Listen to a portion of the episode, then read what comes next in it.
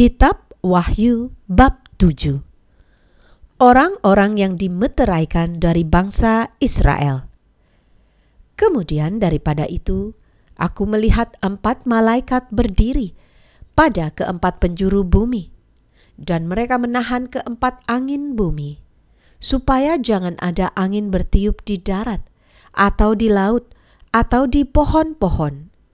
Dan aku melihat seorang malaikat lain muncul dari tempat matahari terbit.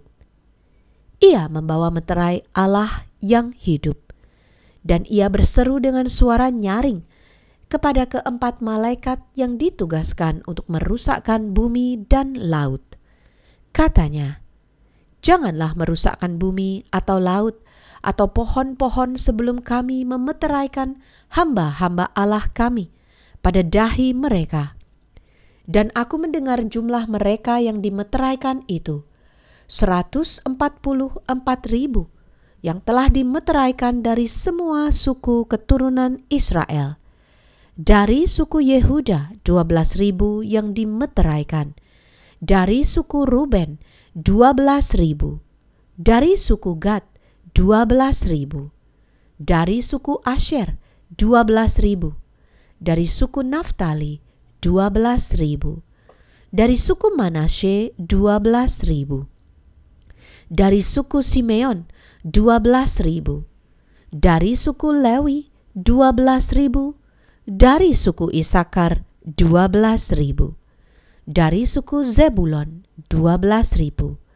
Dari suku Yusuf 12 ribu. Dari suku Benyamin 12 ribu orang banyak yang tidak terhitung banyaknya. Kemudian daripada itu aku melihat sesungguhnya suatu kumpulan besar orang banyak yang tidak dapat terhitung banyaknya dari segala bangsa dan suku dan kaum dan bahasa berdiri di hadapan tahta dan di hadapan anak domba memakai jubah putih dan memegang daun-daun palem di tangan mereka dan dengan suara nyaring mereka berseru, "Keselamatan bagi Allah kami yang duduk di atas tahta dan bagi anak domba." Dan semua malaikat berdiri mengelilingi tahta dan tua-tua dan keempat makhluk itu. Mereka tersungkur di hadapan tahta itu dan menyembah Allah. Sambil berkata, Amin, puji-pujian dan kemuliaan dan hikmat dan syukur dan hormat dan kekuasaan dan kekuatan bagi Allah kita sampai selama-lamanya. Amin.